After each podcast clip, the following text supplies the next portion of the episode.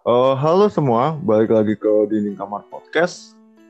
Uh, kali ini gue kedatangan seorang sahabat yang juga seorang penulis. Dia ada, dia udah nerbitin beberapa buku dan sekarang aktif nulis di suatu platform. Dan selama mengenal dia, uh, dia tuh punya banyak banget nama pena.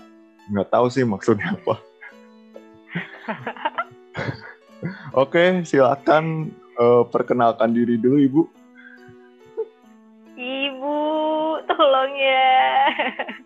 Halo semuanya, uh, gue Re, uh, udah kenal sama Irion dari zaman debut banget.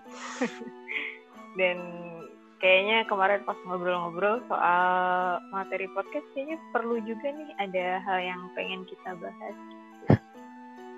Yap. Uh, Oke, okay. pertanyaan pertama dulu deh. Hmm uh, masih berhubungan dengan nama pena karena kebetulan nama pena uh, kamu kan banyak ya. Kenapa hmm. penulis menggunakan nama pena dan apa makna di baliknya? Uh, kalau yang pertama banget dulu, nulis yang pertama banget, kenapa pakai nama pena? Kayaknya karena ke bawah kali ya. Oh keren tuh penulis yang itu pakai nama pena gitu kan. Terus uh, seru aja gitu nyari nama yang kira-kira bisa membekas di orang dan punya makna khusus gitu kan. Mm-hmm.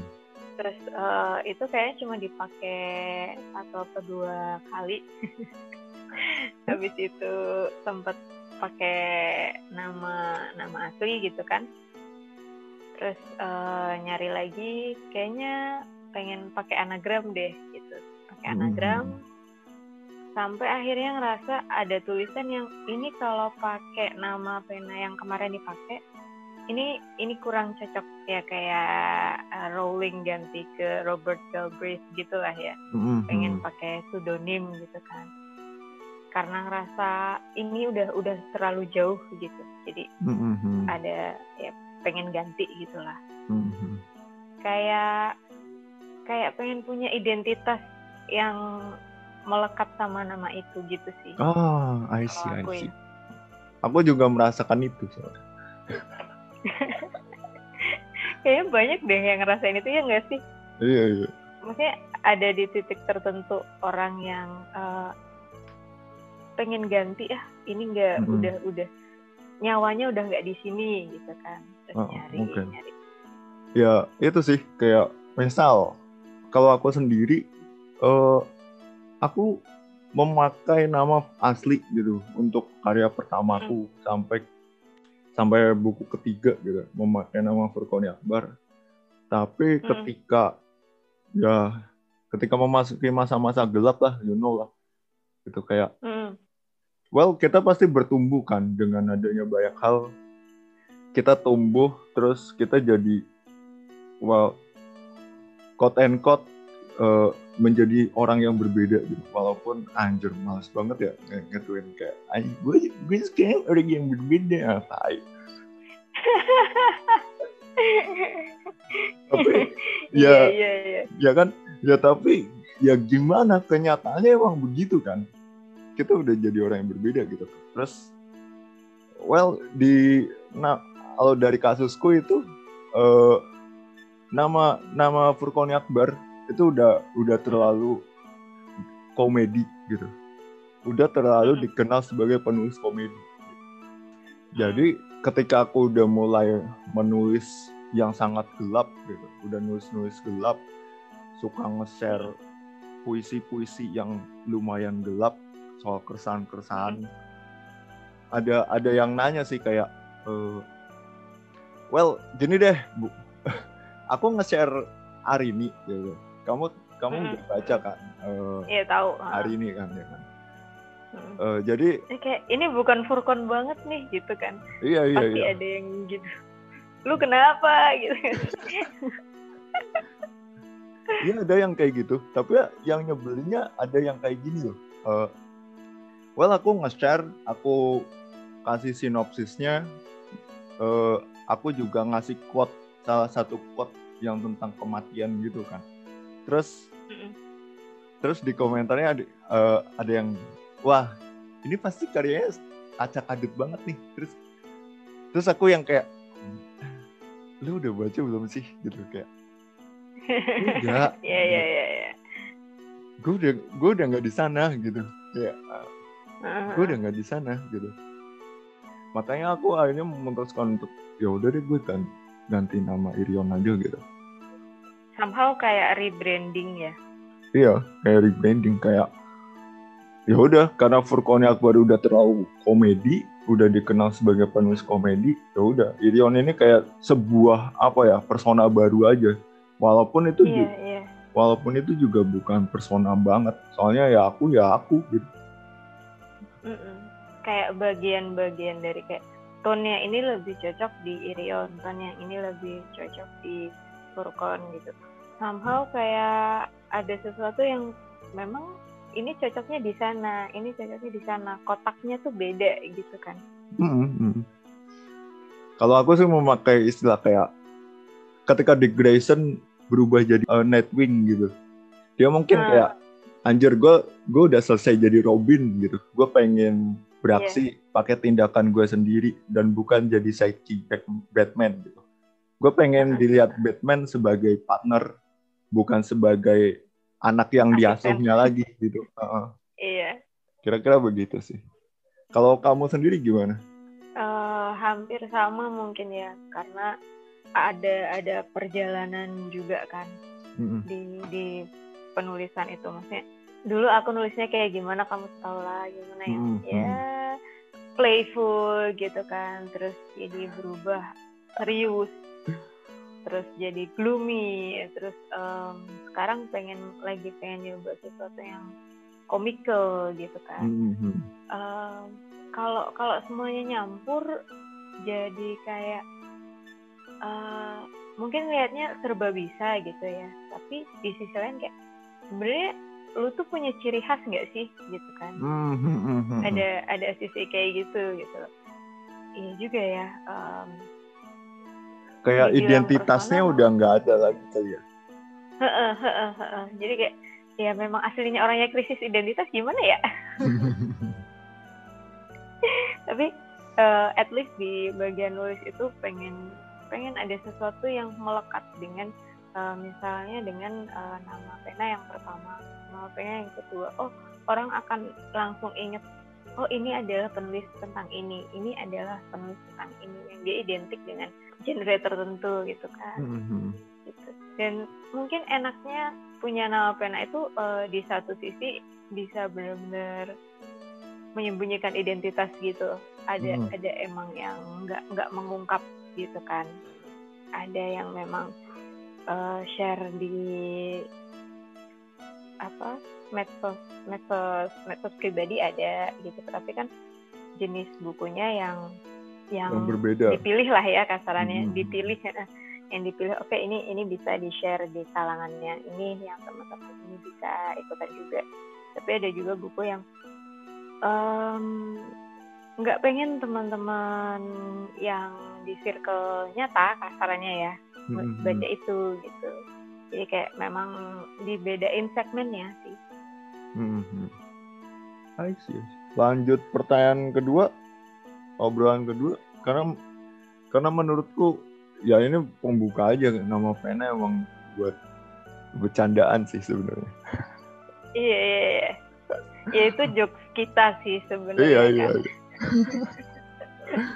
tapi Oke. em, somehow pasti penulis-penulis baru ya nggak nggak harus baru juga sih penulis yang Hmm, udah hmm. lama juga ada di sisi di mana kayak pengen rebranding lah atau pengen nyari nama baru lah ketika awal nggak mau dikenal sebagai diri sendiri ah pengen pakai nama pena ah pengen sok bukan sok misterius ya pengen menyembunyikan jati diri dalam tanda kutip lah Mm-mm. pasti ada seru sih Seru, seru. Aku pun ngerasain hal itu kok kayak oke, Irion is something new gitu. Mm-mm. dan aku ngerasa malah aku bisa lebih bebas di di Irion gitu loh. Mm-mm. Well, aku sekarang lagi nulis drama audio kayak eh, Mm. pertama aku nulis ya gelap lah gloomy. Terus Hmm. aku mencoba nulis romance dan beberapa proyek yang ke depan bakal nulis komedi lagi gitu. Jadi kayak mungkin itu bukan kayak terus identitas lu apa enggak bukan tulisannya nggak ada identitas tapi ya itu Irion gitu Mm-mm. Dia bisa jadi emang udah jadi bagian yang ajeb gitu kan Mm-mm. dia bisa nulis apa aja mm. bukan bukan pengen dikenal so jago sih cuma kayak ya udah Irion ya Irion mm. oke okay, kita selalu ada dua pertimbangan uh, uh, oke okay. uh, kita masuk ke bagian yang serius ya dan ini bakal mungkin bakal jadi tema judul. Oke, okay, uh, eh, kita kita kayaknya mau bakal ngomongin ide dan industri sih. Nah, gini, hmm. kita kan penulis uh, dan hmm. dalam industri kita dituntut untuk membuat atau untuk menemukan ide unik, ya kan? Hmm. Tapi yang terjadi malah kadang sebaliknya kadang penulis malah jadi terpaku dan berakhir buntu atau mentok gitu. Aku tipikal yang kayak gitu sih. Kalau kamu tipe penulis yang kayak gitu nggak? Um, ada saat-saat di mana kejebak nyari ide itu justru jadi kontraproduktif gitu kan ya. Hmm. Masa-masa kayak pengen pengen ini pengen beda banget, pengen punya sesuatu yang wow gitu dari dari ide uh, pengen orang yang langsung terkesan gitu itu pasti ada ego-ego kayak gitu pasti ada lah hmm. masa-masa yang kayak gitu ya di mana yang uh, pengen pengen sesuatu yang beda dari semua orang. Pengen sesuatu yang wow udah dari dalam akar gitu kan. Tapi makin ke sini makin ke sini juga sebenarnya ide itu bukan bukan penentu utama sih ya. Jadi unik atau enggaknya tuh kan macam-macam ya. Semua punya keunikan ada yang memang unik dari ide ada yang memang unik dari cara penulisan ada yang memang unik dari segi apa namanya marketing atau pemasaran gimana cara dia membungkus ceritanya. Jadi jangan terlalu terpaku ya kalau menurutku gitu. Kalau kamu sendiri tuh dituntut buat gitu juga nggak sih? Pernah pernah. Jadi aku uh, sekitar setahun yang lalu kali ya kayak hmm. aku aku masuk agensi komik gitu terus kayak hmm. harus dituntut ini tuh eh sebelumnya aku pernah diminta itu kayak waktu itu masih disuruh nulis buku kan hmm. sebelum akhirnya aku mutusin buat oh udahlah nulis buku nanti aja gitu akhirnya cabut uh, aku waktu itu disuruh nulis kayak well aku nge-share nge-share ide dan konsep ke ya ini masih sharing sih ke se seorang editor gitu. Terus dia bilang kayak ide kamu ide kamu itu kurang unik. Ide kamu kurang unik. Terus uh, aku nyari ide aku nyari ide unik apa itu aku mempelajarinya kan nyari polanya uh, premis yang unik kayak gimana sih gitu sinopsis yang unik kayak gimana sih? Biar dilirik sama sama penerbit atau sama ya katakanlah pembaca online kayak sekarang gitu kan. Itu kayak gimana sih? Tapi aku malah malah jadi mentok gitu kayak iya jadi stuck. Nggak gerak. mm -mm. dan pas nulis komik pun sama kayak ketika dituntut ayo nyari ide yang unik gitu. Aku sama. Hmm.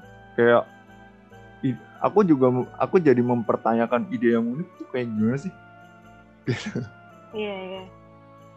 Kayak mungkin ini ya kita biasa terpapar sama um, serial-serial. Kalau kalau kita kan emang serial yang kita suka betipe lah ya. Hmm.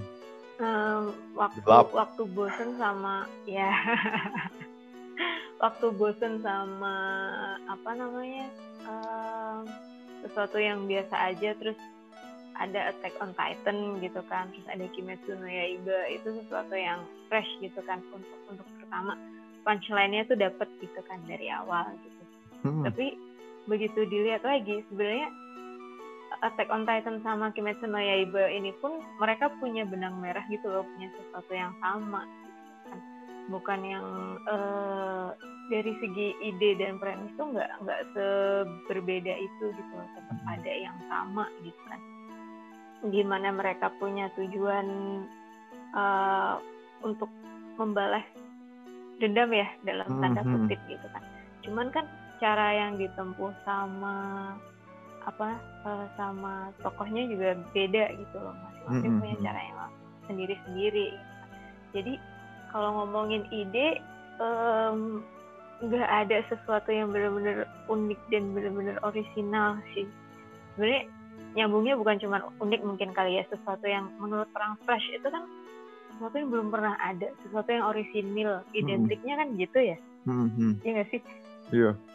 Tapi apakah benar ada sesuatu yang benar-benar fresh itu? Apakah ada sesuatu yang benar-benar uh, belum pernah kepikiran sama orang? Karena pasti uh, ada jutaan manusia di dunia ini miliaran gitu kan ya pasti ada pengulangan pola lah ya hmm. kalau menurutku sih gitu nyari sesuatu yang unik kita tergantung dari sudut pandangnya sih dan hmm. balik lagi semakin banyak yang kita baca semakin banyak yang kita eksplor itu kita makin ngerasa nggak ada sesuatu yang benar-benar baru sebenarnya hmm, hmm. benar dan menurutku well apa ya? Kalau dari dua judul yang kamu sebutin gitu Kimetsu no Yaiba sama Attack on Titan itu karya pertama penulisnya gitu. Ya emang dasar. Mereka pengen nulis itu dan mungkin mereka memasukkan keresahan mereka tapi mereka nggak sadar itu unik ya kan? Mungkin buku pertama kamu atau buku pertama pertama aku kasusnya juga sama gitu. Ya kan? Kayak misal aku gitu Well, aku nulis personal literature pertama. Apa maksudnya itu bukan sesuatu hal yang baru gitu. Tahun 2012 mm-hmm. itu wajar ada Radit, ada Udah ada Raditya Dika, ada iya. Ferdi Riva gitu. Ya banyak banyak banget kan. Mm-mm. Tapi itu yang masuk penerbit gitu kayak hmm, terus emang pasarnya lagi ke sana gitu kan. Nah, ya itu gitu tapi kenapa kenapa itu yang disebut unik gitu? Padahal ya kalau dari sisi egois egoismeku mungkin ya. Dari sisi egoisku kayak nulis sebebas apa pun gitu loh. Kalau misal itu dianggap unik ya ya udah. Mungkin itu unik. Mungkin mungkin karena pemikiranku yang begitu sih yang akhirnya ketika dituntut uh, lu harus nyari ide unik aku jadi stuck Dulu aku begitu sih. Kamu kamu pernah ada iya. pengalaman gak sih yang kayak gitu atau gimana? Pernah sih, pernah pasti, pasti pernah ya karena hmm. um, mungkin yang yang pertama yang waktu itu pertama terbit itu dia dinilai uh, sesuatu yang lebih lebih fresh mungkin ya nggak nggak melulu romance gitu unsurnya ada familynya yang which waktu itu belum belum banyak yang nyorot hmm. gitu kan Mm-hmm. Nah, setelah itu kan uh, bikin draft kedua itu sesuatu yang sama sekali berbeda dari yang sebelumnya. Um, dia punya unsur yang lebih aku pada saat itu gitu kan. Mm-hmm. Nah, di di yang kedua itu itu benar-benar kalau di sini belum belum banyak orang yang dengan tema itu, belum banyak yang lirik itu pada saat itu gitu ya. Hmm. Jadi ketika mau bikin yang ketiga tuh kayak uh, ada tuntutan dari penerbit mungkin juga ya, terus dari diri sendiri juga apa nih yang baru, apa nih yang baru gitu kan. Hmm. Uh, makin jadi kayak uh, kemarin udah bikin punchline kayak gini, kemarin udah dapet sambutan kayak gini, udah bikin udah bisa bikin orang terkesan nih gitu kan udah pokoknya masa-masa sok-sokan itu iya, iya, lagi iya. lagi kental lah waktu itu uh -uh.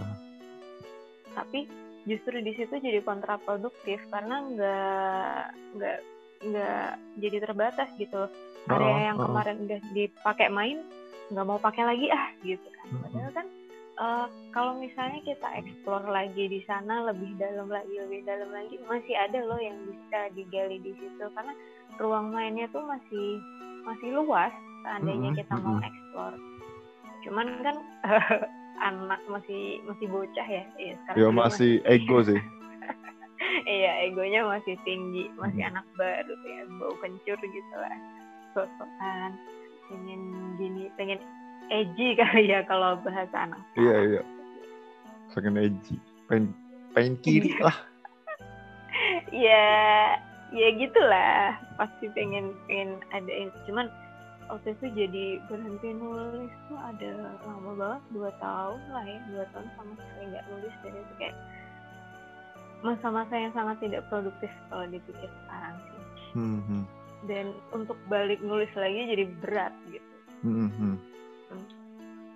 Nah tapi kamu sadar nggak sih? Kalau sebenarnya ya uh, ketika kita ngelepas nulis nulis apa aja gitu nulis keresahan atau nulis kepenginan kita tanpa ada embel-embel atau tuntutan kamu harus nulis yang unik gitu.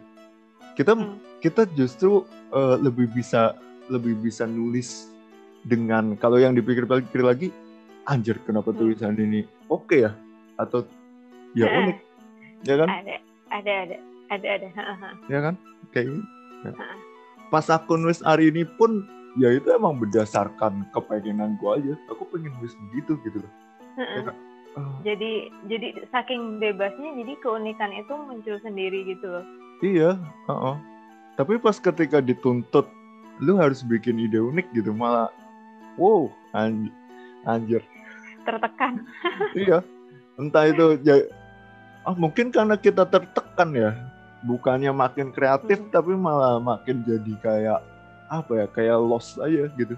Mm kayak hilang arah udah nggak udah nggak bisa mikir apa apa soalnya mm soalnya uh, kita kepentok kayak ayo bikin sesuatu yang unik sesuatu yang unik. Mm padahal ketika lu membebaskan diri ya pasti bakal muncul sesuatu yang unik gitu. Iya. Cuman kadang uh, orang kan nggak nggak punya waktu untuk nunggu sisi unik kita keluar gitu kan. Uh, apalagi yang di industri kreatif gitu kan. Makanya mereka menekankan ke premisnya gimana. Premisnya seperti apa? Mereka akan lihat pertama yang dilihat adalah uh, premis gitu kan. Karena kan udah bukan topik lagi ya karena topik hmm. itu terlalu besar gitu kan. Premisnya seperti apa? Oke premis menarik lanjut ke sinopsis gitu kan sinopsisnya ini akan seringkas apa dan semenarik apa ketika uh, seseorang bisa menuangkan kreativitasnya dan keunikannya itu dalam sesuatu yang kompleks, yang sesuatu yang padat gitu kan. Oh berarti dia sudah punya gambaran yang rigid gitu untuk karyanya ini, untuk sesuatu yang akan ditulis ini. Kalau hmm. di industri literasi sekarang aku ngelihatnya kayak gitu ya. Hmm. hmm. Karena kan banyak kan geraknya seperti itu gitu, berangkat dari sana gitu kan. Ya ngerti karena uh, tuntutannya harus banyak naskah yang diterbitin dengan tuntutannya masih ke quantity ya mm-hmm. jadi kayak um, sama sekali nggak nggak menutup hal itu sih cuman ada kalau kalau dituntut kayak gitu dari awal emang udah harus keluar yang unik berarti kan uh, kita kita harus menggodok ide kita sendiri dulu kan mm-hmm. cara ngegodoknya ya macam-macam. Bisa dari uh, beda orang beda ya. Ada yang dia dari nulis dulu ngalir dulu baru keluar. Ada yang kalau aku kan sukanya brainstorming salah satunya sama kamu gitu kan. Mm-hmm. sampai nanti keluar oh iya ini bisa dimasukin. Gitu kan. Mm-hmm. kayak gitu. Jadi brainstorming itu penting sih kalau buat aku ya untuk menggali keunikan karena sama kayak yang tadi dibilang balik ke yang tadi dibilang um, mengeksplor ruang main mm -hmm. itu salah satunya kalau aku dengan diskusi sama temen supaya nanti pas nulis premis oh udah karena tadi udah kebayang jadi udah bisa dituangkan gitu. nah tapi itu kan kalau ada yang punya temen atau punya ya katakanlah komunitas ya ya tempat sharing gitulah nah uh, ya ya sebenarnya tempat sharing juga tergantung sih itu bisa bikin kamu berkembang apa enggak tapi iya. uh, tapi gini kebanyakan ketika premisnya unik sinopsis menarik nah hmm. mereka mereka jadi terpaku sama itu sih kayak kasus kasus yang sering kuliah tuh kayak gitu premis premis menarik sinopsis menarik tapi isinya uh wadaw wadaw wadaw Iya uh, tingkat kematangan seseorang dilihat dari sana kan. Makanya oh, tadi oh, oh, oh. yang unik itu nggak terbatas di ide kayak yang kita bahas tadi. Gimana penyampaian itu juga menentukan loh. Jadi um, bisa juga misalnya gini, aku sama kamu karena banyak uh, kesamaan kita bisa punya ide yang sama. Tapi cara aku nulis sama cara kamu nulis itu pasti akan beda kan? Iya, pasti berbeda. Gitu. Mm -mm. Ada yang kamu lebih ngalir, aku lebih terstruktur ya anaknya hmm. kalau aku kan gitu. Jadi kayak ya, gimana ya? di situ. Uh, kasanya gini, uh, kita kenal baik dan maksudnya kita sering punya pemikiran sama gitu. Kita koneksinya hmm. bagus gitu. Hmm. Tapi mungkin ketika kita dikasih yang sama, eh uh, kita hmm. mungkin kita ketika kita dikasih, dikasih premis, ide sama, premis premis sama, sama, ide sama, eksekusinya pasti bakal beda. Aku beda. yakin sih. Pasti beda. Semirip apa pun pasti beda gitu kan. Meskipun kita udah brainstorming uh, sematang apa pun. Oke, okay, kalau misalnya bikin universe gitu ya. Mm-hmm. Oke, okay, kita bisa bikin universe yang yang rigid di situ. Tapi untuk alurnya, cara ceritanya itu pasti beda kan kita. Mm-hmm. Gitu. Dan itu yang mungkin banyak banyak diabaikan kali ya atau mungkin belum belum dipahami sama banyak orang gitu loh. Kalau sebenarnya penyampaian itu punya andil besar loh nggak cuma ide loh gitu. Eksekusi itu nggak kalah mahal sama ide. Mm-hmm. nah uh, ya ini ini keresahanku sih keresahanku sebagai penulis ya. Uh, maksudnya yeah. sebagai yang dulu penulis buku gitu uh, dulu tuh di industri buku atau di industri komik mereka itu sangat sangat kayak memberhalakan atau sangat apa ya kasarannya sebab terlalu memuja, ah, sangat mengagumkan hmm. kayak premis premis lu tuh harus bagus unik, sinopsis lu harus bagus unik. Tapi mereka kadang hmm. lupa eksek eksekusi itu juga penting gitu. Iya. Padahal kalau kalau sekarang uh, uh, lanjut lanjut. lanjut. Tuh kan kita kita tuh selalu ya beginilah kesamaan kami frekuensinya iya. terlalu sama makanya uh, buat yang dengerin ya uh, uh, khusus khusus khusus ngundang dia gue itu harus harus bikin catatan word gitu loh. Kalau kemarin-kemarin tuh sama sekali enggak karena karena apa ya gue sama dia tuh terlalu terlalu liar. Terlalu ya terlalu sama gitu. Makanya kayak aduh jangan sampai kita ada satu pertanyaan tapi pemikiran sama gitu. Jadi kayak nggak ada isi hmm. tapi untungnya sampai sejauh ini lumayan oke okay ah, jadi lupa kan mau nanya apa tadi ah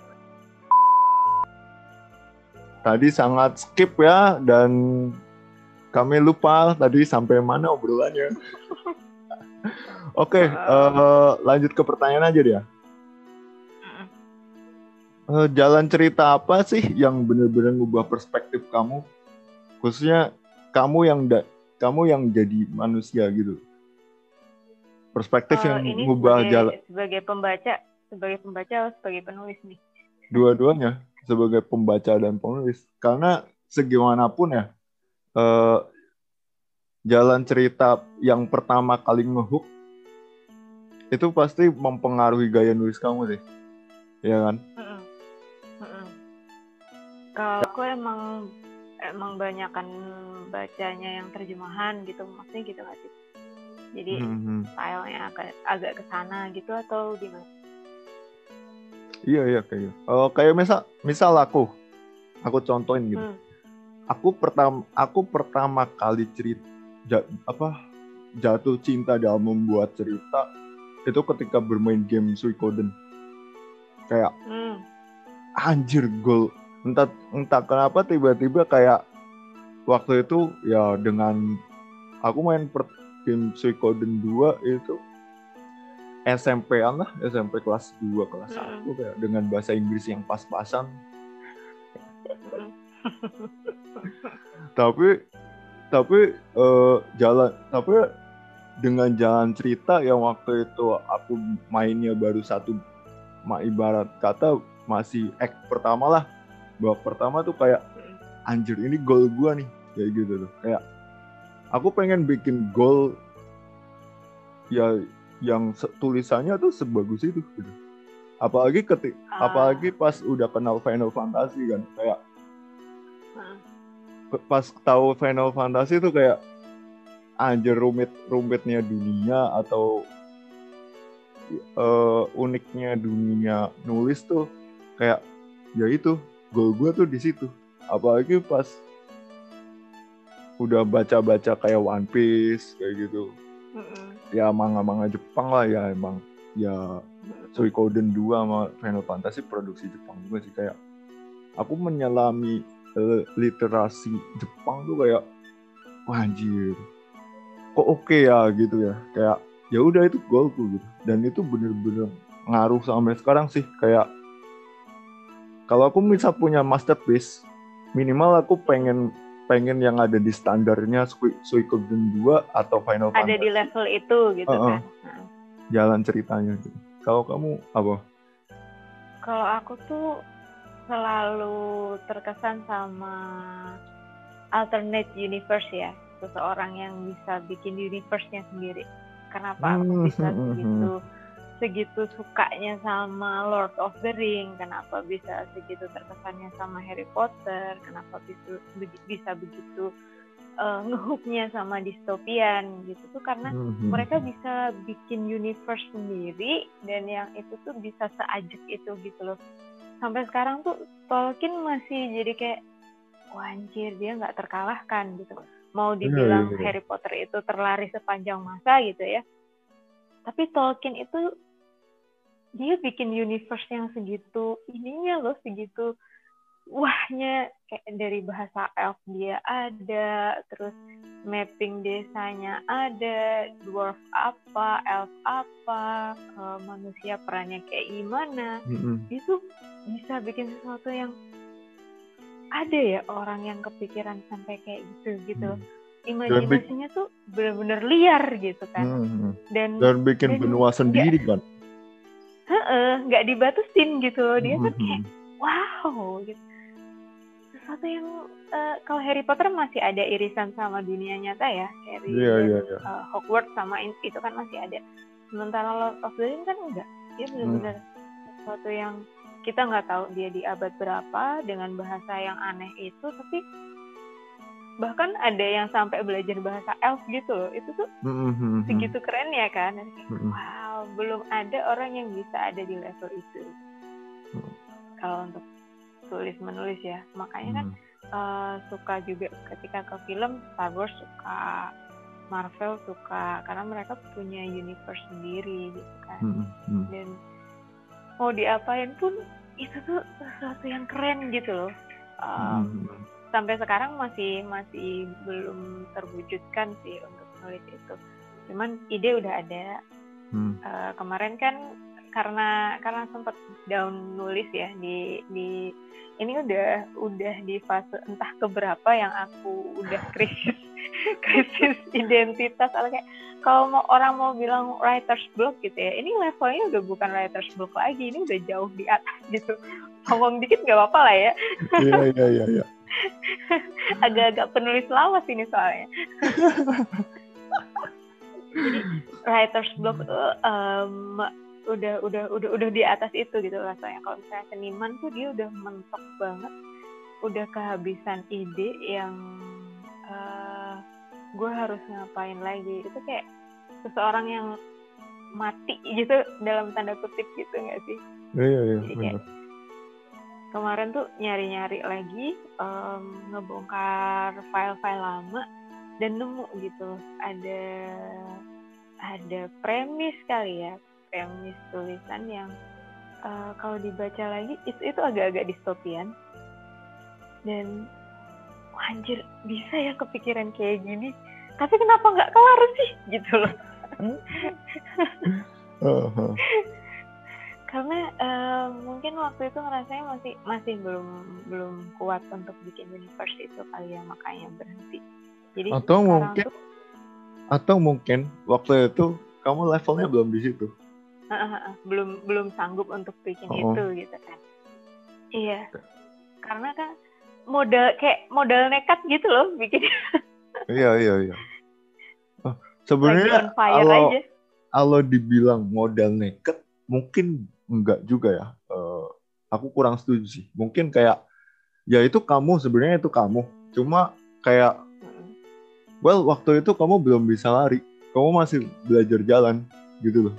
Yeah. tapi kamu yeah. udah pengen lari. Kamu udah tahu goal kamu ada di mana gitu. Ya karena aku pernah merasakan hal yang sama gitu. Kayak ya aku ngerasanya gitu sih kayak well gue tahu goal gue ada di sana gitu.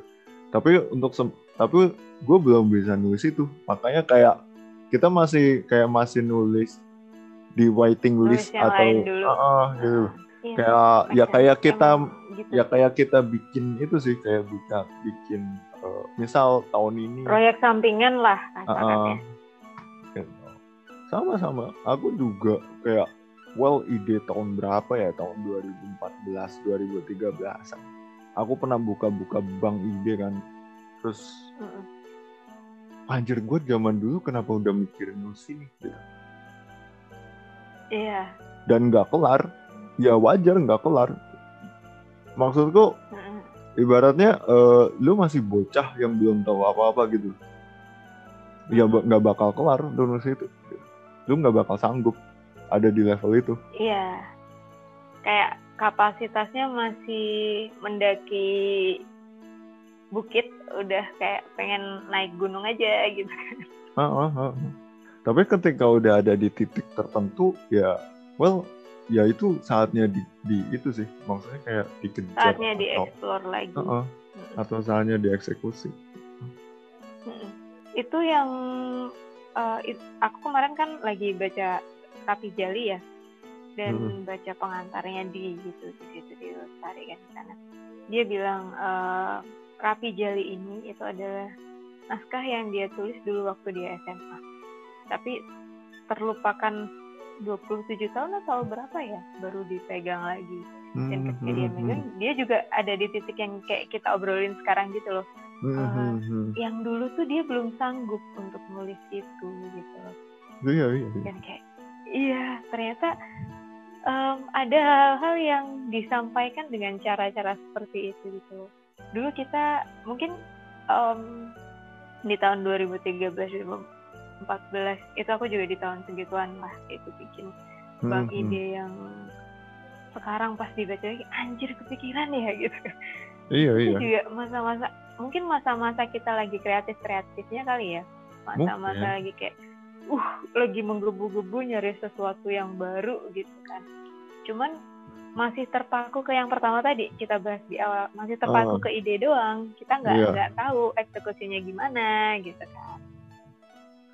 Uh. dan yang pas baca baca uh, kemarin baca ulang kayak um, udah lumayan sih gitu kan rasanya uh, sebenarnya cara nulisnya udah lumayan juga. Udah kalau soal ngalir ngalir lah ya. Cuman mm-hmm. kayaknya masih bisa diiniin deh gitu masih bisa dieksplor lagi deh dan sekarang tuh jadi kayak mm, gatel pengen giniin lagi gitu iya, iya. kalau boleh tahu itu ide tentang apa um, distopian sih uh, satu hmm, okay. campuran antara distopian sama uh, time travel. Hmm. Jadi hmm, kayak hmm. Kalau kalau time travel kan itu kayak sesuatu yang sampai sekarang masih masih jadi topik hangat. Gak ada matinya lah ya kalau kita bahas yang di science fiction gitu. Hmm. Ketika orang kembali ke masa lalu dan nanti ada sesuatu yang berubah, yang diubah di masa lalu, pasti di masa depan akan berubah juga gitu kan. Uh -huh. Nah kalau misalnya itu diubah, perubahan di masa depan ini akan sebesar apa, dampaknya akan segimana. Nah di sini tuh yang di ideku itu jadi kayak orang dari masa depan pun jadi kayak ngejar si tokoh yang kembali ke masa lalu ini. Jadi kayak buronan lintas ruang waktu gitulah. Mm-hmm. Karena kan uh, tatanan di masa depan itu terlihat sangat rapi, tapi itu struktural banget gitu loh nggak nggak menyentuh ke sisi humanis gitu kan kayak manusia tuh jadi apa bedanya sama robot gitu ya Hmm, pas hmm. pas di draftku itu jadi kayak kayaknya waktu itu jadi terjebak di eh ini nanti mekanisme time travelnya akan gimana sih karena eh, ingat banget waktu itu lagi lagi suka sukanya eksplor teori fisika kuantum lah terus nonton serial-serial tentang time travel lah kayak gitu-gitu sih jadi Hmm. Melihatnya kayak kompleks banget anjir nih anak mikir apaan jadi jadi gitu gitu loh.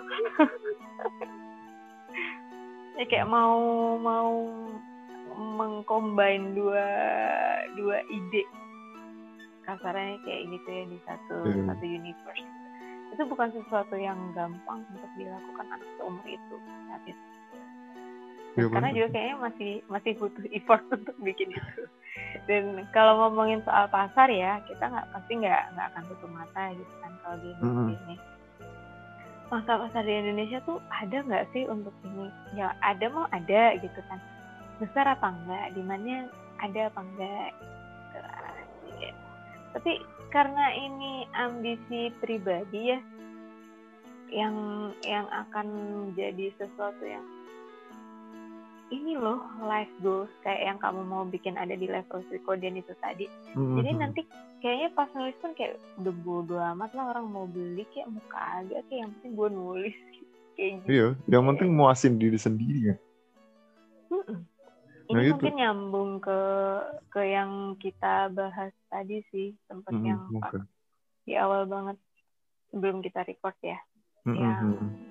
Nulis untuk diri sendiri dan nulis untuk pasar gitu kan ada Mm-mm. sesuatu yang memang kita tulis untuk memuas diri sendiri yang kita nggak akan peduli sama feedback orang gitu kan ada sesuatu yang memang ditujukan untuk dibaca orang Well, buat kamu penting gak sih dengerin apa kata pembaca? Em, ada di dua sisi ya Hmm. karena di satu sisi eh, sisi sisi orang industri. Itu kan kita nggak bisa tutup mata dari pasar ya. Iya, iya. tapi di Kenapa? sisi lain pasti pasti kita punya sesuatu yang pengen tetap kita jaga kan. Kita punya idealisme yang pengen dipegang pengen Hmm, diterapkan pengen dibagi ke orang gitu kan.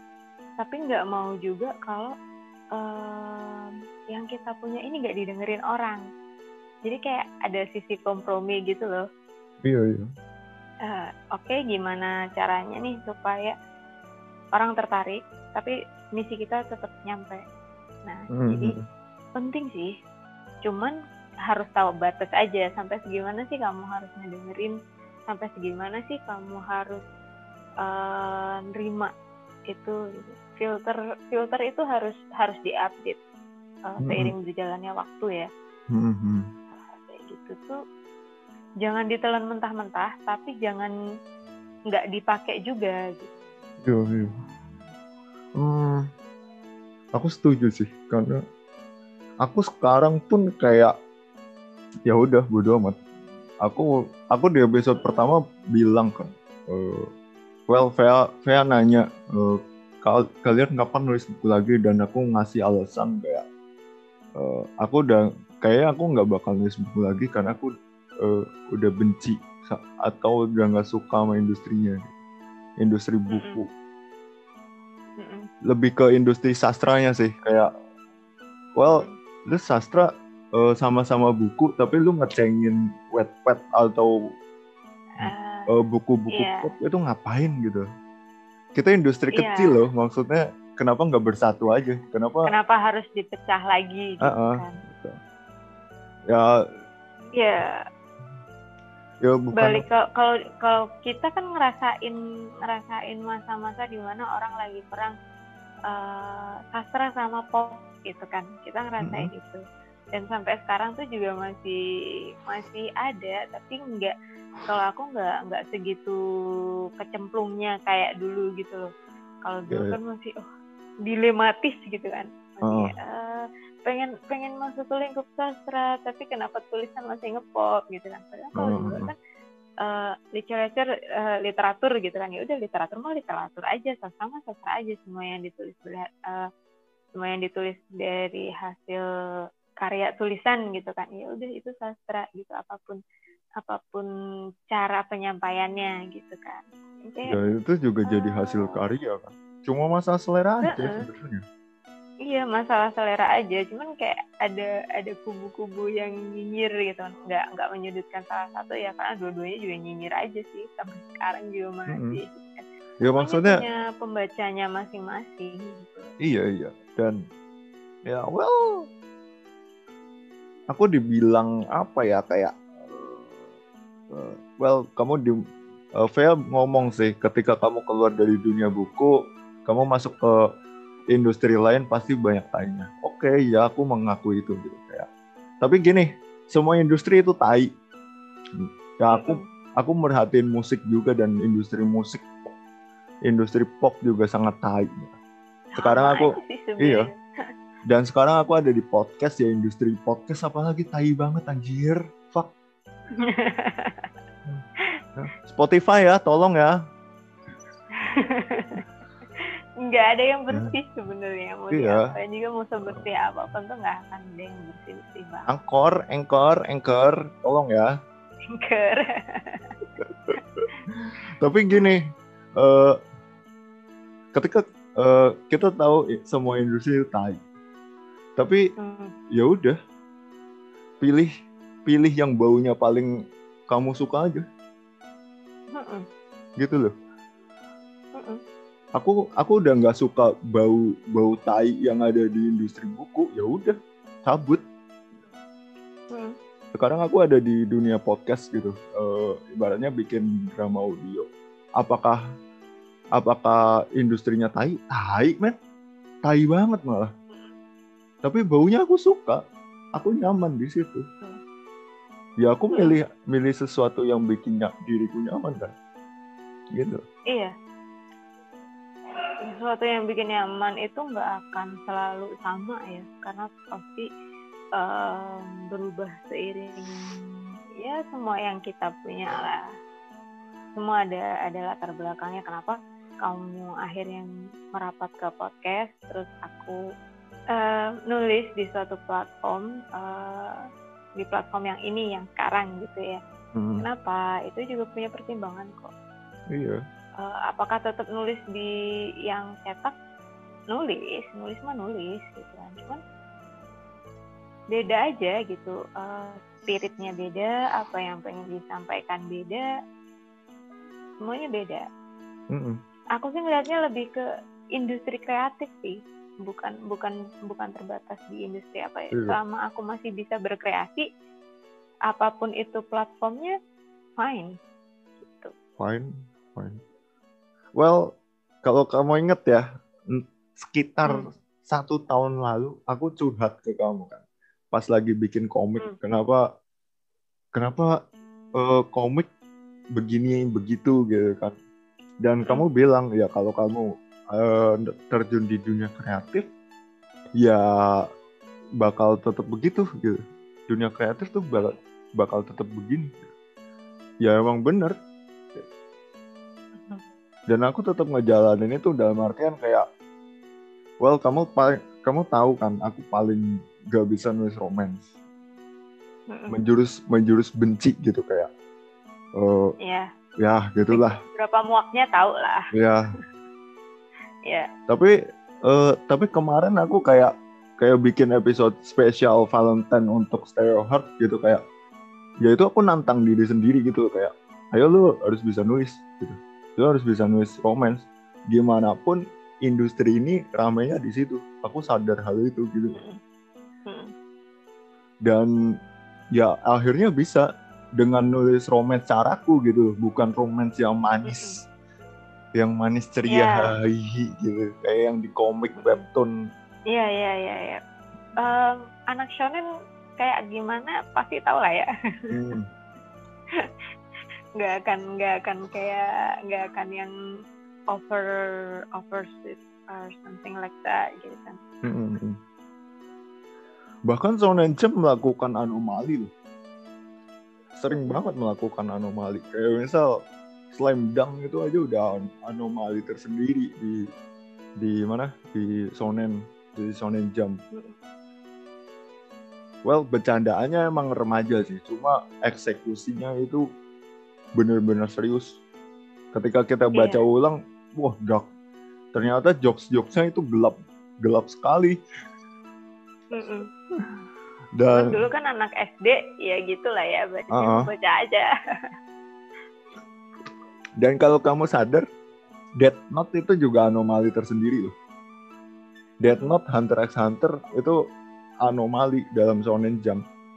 Mm -mm. Kenapa? Karena Death Note sama Hunter x Hunter itu lebih lebih lebih bisa disebut sebagai grafik novel.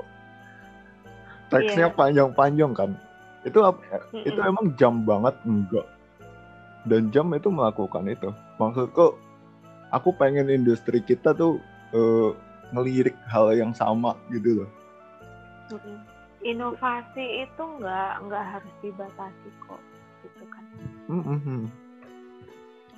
Makanya ketika komik-komik Jepang terutama uh, mungkin pem, karena pembacanya juga udah males sesuatu yang berantem berantem berantem kita bisa ngelihat kayak Death Note sampai sekarang Death Note namanya tetap wangi kan? Masih meskipun ada kebangsaan di akhir ya. Iya ya. Sebenarnya yeah. obat sebenarnya obata udah udah itu sih curhat terselubung di Bakuman gitu kayak iya yeah. ya kan jadi yeah. sebenarnya sebenarnya Death Note itu harusnya berakhir uh, berakhir ketika L meninggal. Death Note sebenarnya harus berakhir di situ.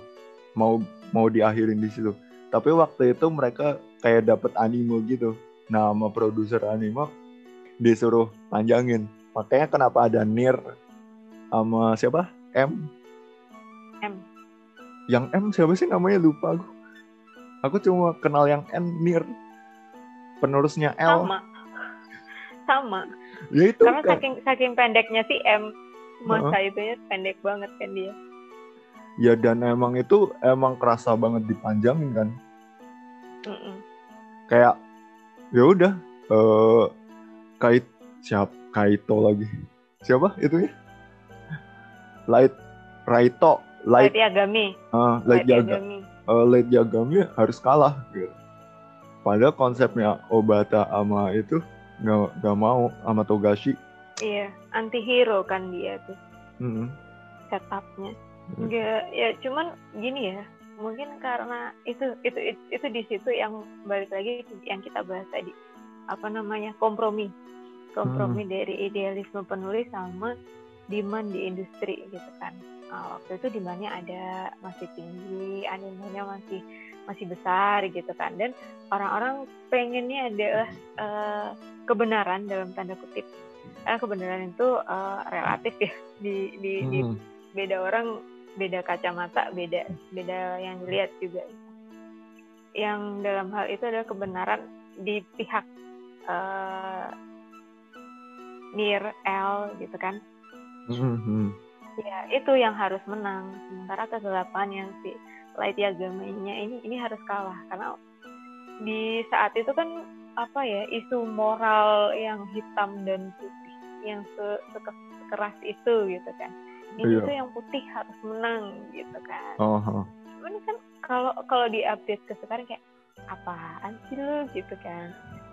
Cuman ya nggak nggak nggak menutup nggak uh, nutup mata sih. Itu bagus kok. Death Note tuh tetap bagus. Mau dia dibilang idenya dari ide dari dari eksekusi bagus gitu. Cuman eksekusi akhirnya nih yang sesuatu untuk beberapa orang dia jadi penentu kan sebenarnya. Mm-hmm. sesuatu yang krusial itu tuh jadi kayak kayak terabaikan karena orang fokusnya ke satu titik kecil gitu loh. Sampai mm-hmm. sampai li, lupa lihat kanvas gedenya tuh mm-hmm. ya mau gimana kayak ya isu ya bener isu hitam putih tuh masih masih sangat dominan. Padahal sekarang kayak apa ya? Well kalau kalau dipikir-pikir ya idealis ya mereka cuma perang ideologi aja sih. Mereka cuma beda idealisme gitu. Uh, L dengan yang gak baik-baik amat juga L dia dia cuma kayak ngerasa dia cuma ngerasa jago aja untuk untuk meng, mm -hmm. karena hobi aja memecahkan sesuatu. Sementara late dengan dengan idealismenya yang apa namanya pengen menghapuskan kejahatan di seluruh dunia ya ya emang cuma perang ideologi. Sebenarnya nggak ada hitam dan putih. Dua-duanya itu ya menurutku ya ada hitamnya ada putihnya. Apakah L kayak... ya kan apakah L punya iya. empati? Tidak. Itu loh sesuatu yang yang orang tuh kalau udah fokus di satu titik dia nggak akan dia, dia cender, orang-orang itu akan cenderung lupa untuk melihat big picture-nya. Kayak yang uh, di awal banget kita bahas ide ide ide ide ide gitu kan. Oh, premis oh. premis premis premis. Nah eksekusi lu apain? Gitu kan. Iyo. ide itu sesuatu yang iya dia jadi penggerak cerita. Tapi kalau misalnya penyampaiannya nggak enak siapa sih yang bakalan baca? Seberapa banyak sih yang bakalan baca? Gitu kan. Mm-hmm. karena kan nggak uh, nggak munafik ya. Pasti pengen karya itu dibaca orang pasti pengen pesan itu nyampe ke banyak orang gitu kan. Nah di situ tuh uh, pentingnya kita ngelihat banyak aspek nggak cuman nggak cuman ke satu sisi nggak cuman ke ide doang nggak cuman ke idealisme doang nggak cuman uh, pasar doang gitu kan. Kalau kita ngikutin pasar terus pasar pasar pasar pasar uh, penulis ya apa bedanya sama mesin gitu kan. Hmm. Kreativitasnya di mana gitu. Dan nggak akan berkembang sih menurutku. Mm-mm. Saling membutuhkan itu sih dan nggak usah lah sosokan ngerasa yang ini nggak akan jalan kalau nggak ada ini. Ini lebih penting daripada ini. Nggak lah semuanya sama kok. Kalau kalau nggak mau nggak jalan bareng kalau misalnya timpang hasilnya juga nggak maksimal gitu. iya. Ya ya menurutku malah itu sih kayak sebenarnya kalau penulis well aku nggak nyalain penulis atau editornya atau industrinya. Tapi gini hmm. uh, ketika kamu terus-terusan stuck di satu tempat dan kamu tetap hmm. nyaman di situ menurutku itu udah nggak beres sih ya yeah. ya nggak sih kayak. Wanjir, uh, misal kamu nyaman terus-terusan ada di tempat tidur gitu ya ya udah lu bakal di situ-situ aja hmm, kayak akan ada di comfort zone terus ya mm-hmm. uh, itu satu sisi uh, dan comfort zone itu itu nggak sepenuhnya baik nggak sepenuhnya salah juga.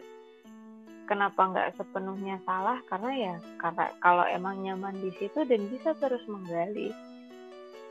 Dan menggali menggali menggali sampai akhirnya menemukan sesuatu yang lebih menarik lagi sesuatu yang lebih ini lagi itu bagus. Mm-hmm. tapi uh, kalau misalnya dibilang itu bagus banget ya nggak juga karena berkembangnya di sebelah mana jadi ada ada dua sisi gitu kalau menurutku ada hmm. orang yang pengen menggali sampai ke dalam dan memang spesialisasinya di sana. Yang kalau misalnya di dunia akademis gitu, profesor itu kan dia linear ya dari dari S1 sampai S3 sampai paper-papernya itu kan uh, banyak kan bicara di satu lini gitu kan. Hmm. Apakah itu salah? Enggak, karena mereka terus menemukan sesuatu kan, terus menemukan inovasi gitu kan. Dan mereka enjoy di situ. Uh, ada juga yang pengennya ekspansi, pengennya memperluas, bukan memperdalam. Apakah itu salah? Enggak. Enggak, enggak salah. Mm-mm, karena karena beda gitu kita ngelihatnya. Ada uh, yang pengen ngelihatnya mikroskop, dia mau diperbesar diperbesar.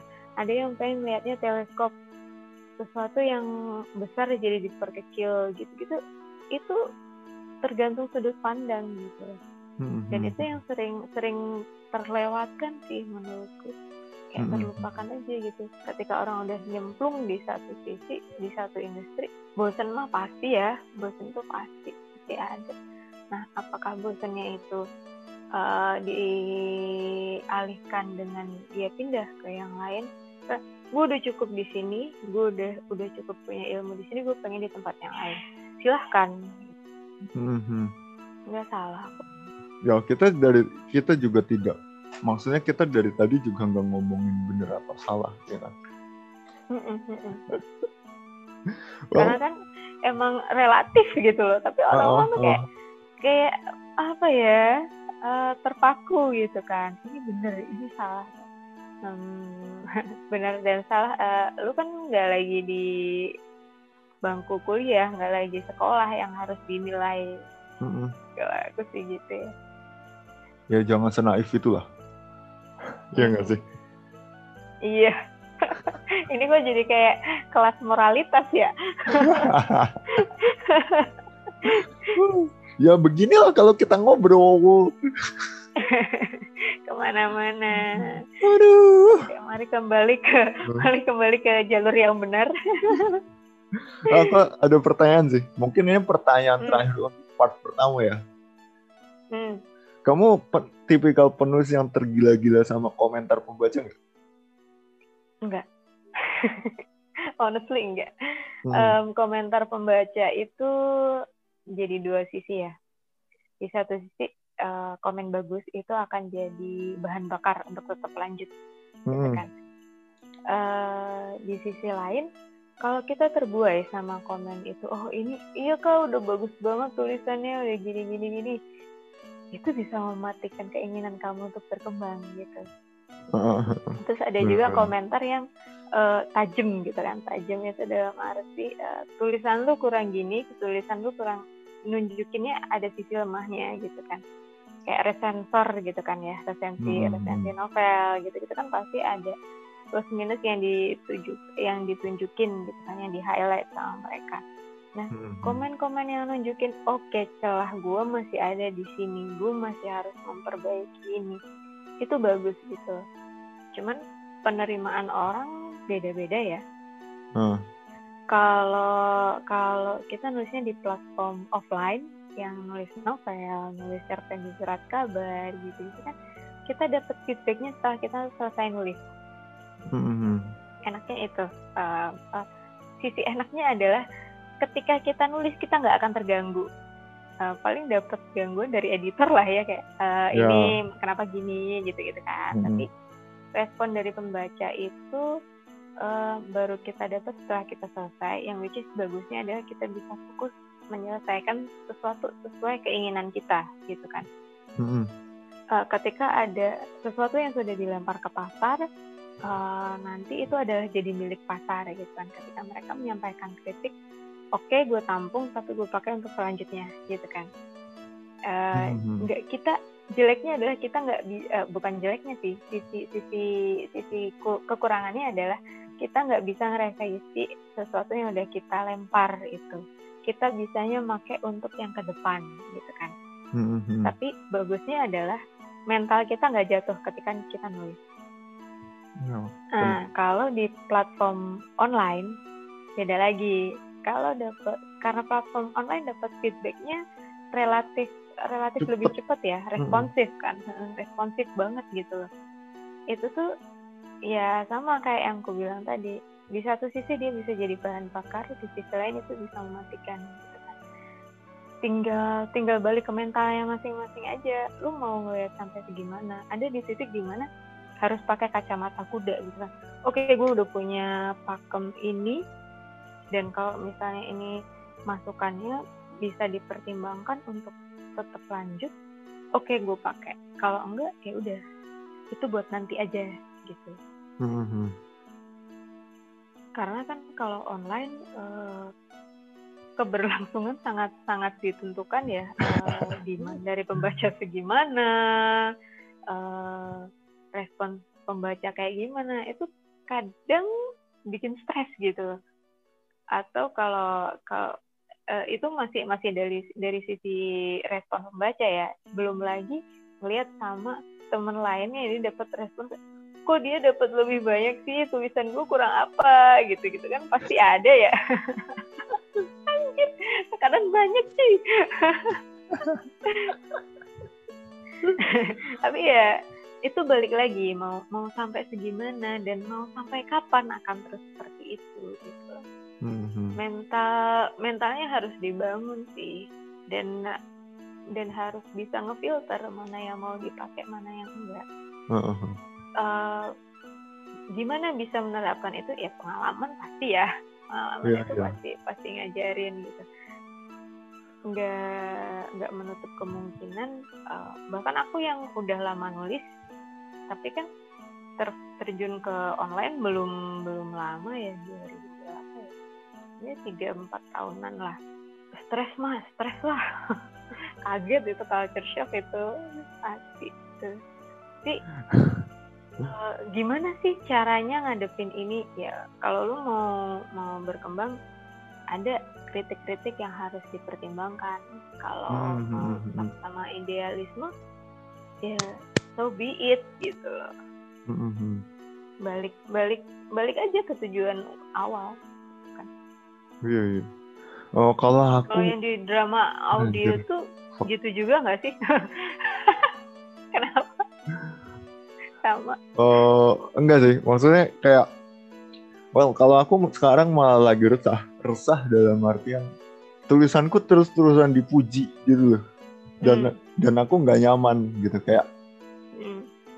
uh, well ketika aku setor naskah bla bla bla seret hmm. dipuji uh, setor naskah hmm. dipuji gitu kayak hmm. Hmm.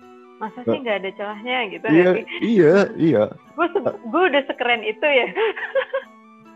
Nggak nggak mikir kayak gitu sih. Cuma kayak kadang aku nggak nyaman aja gitu. Kayak well tapi pas ketika dibaca ya emang bagus. Walaupun ya ya ini nggak bias sih. Kayak baca tulisan sendiri kan uh, untuk level kita gitu.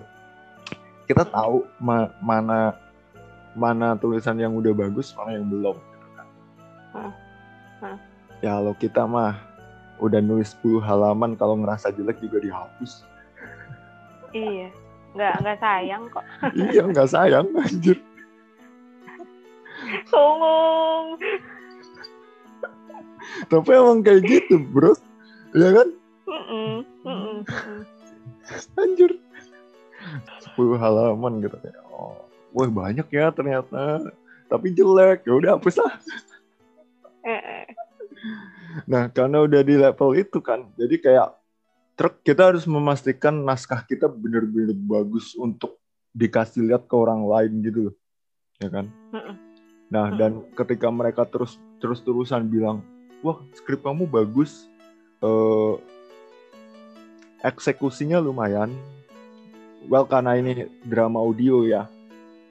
Kerja banyak orang, tapi ketika skrip ketika skrip tetap dipuji gitu. Oh, tulisan tuh bagus gitu. tapi aku ngerasa malah aku ngerasa nggak nyaman gitu kayak wanji hmm, hmm, I don't know. Gimana ya? Gimana cara ngomong ya? Kayak aku nggak nyaman aja. Kayak terus terusan dipuji tuh kayak itu malah bikin resah aku loh. Kayak ayo dong walaupun ketika ayo dong ini tunjukin tunjukin uh, apa yang perlu diperbaiki kurangnya di mana. Uh, gitu gitu nggak sih? Mm -hmm. ya tapi ketika aku membaca tapi ketika aku baca lagi ya emang bagus sih gitu mm mungkin. Uh, ya Ini mungkin kalau apa ya? Ya kalau di level kita tuh gini uh, aku aku nyala dikit ya sorry. Mm kalau di level kita tuh anjir level maaf ya. Nyombong dikit. Uh, aku tidak mau merendah hmm. untuk meninggi soalnya.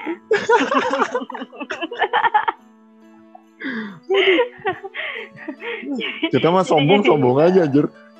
Iya sombong sombong aja busuk mau busuk aja gitu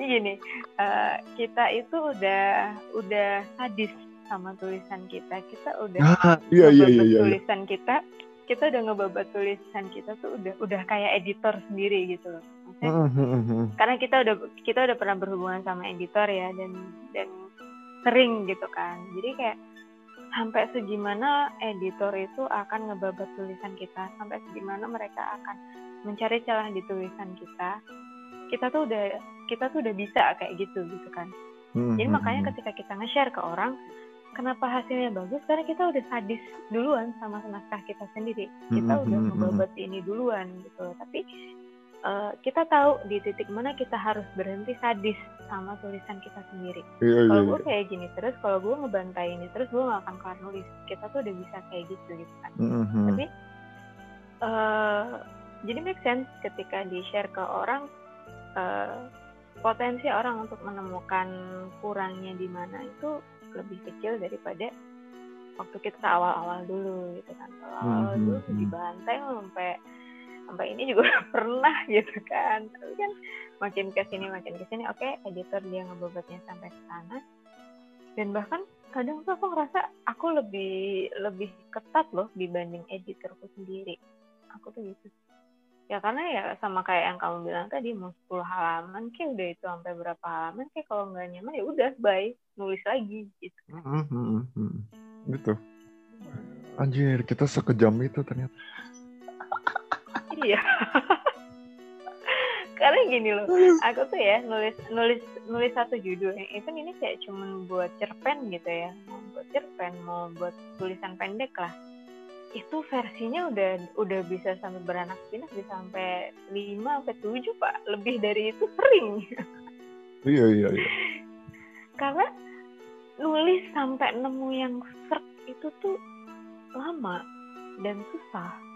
Tapi kalau nggak set ya udah bodo amat. Ini jelek jelek gitu kan. Mm-hmm. makanya kalau nyampe ke orang uh, sering kan.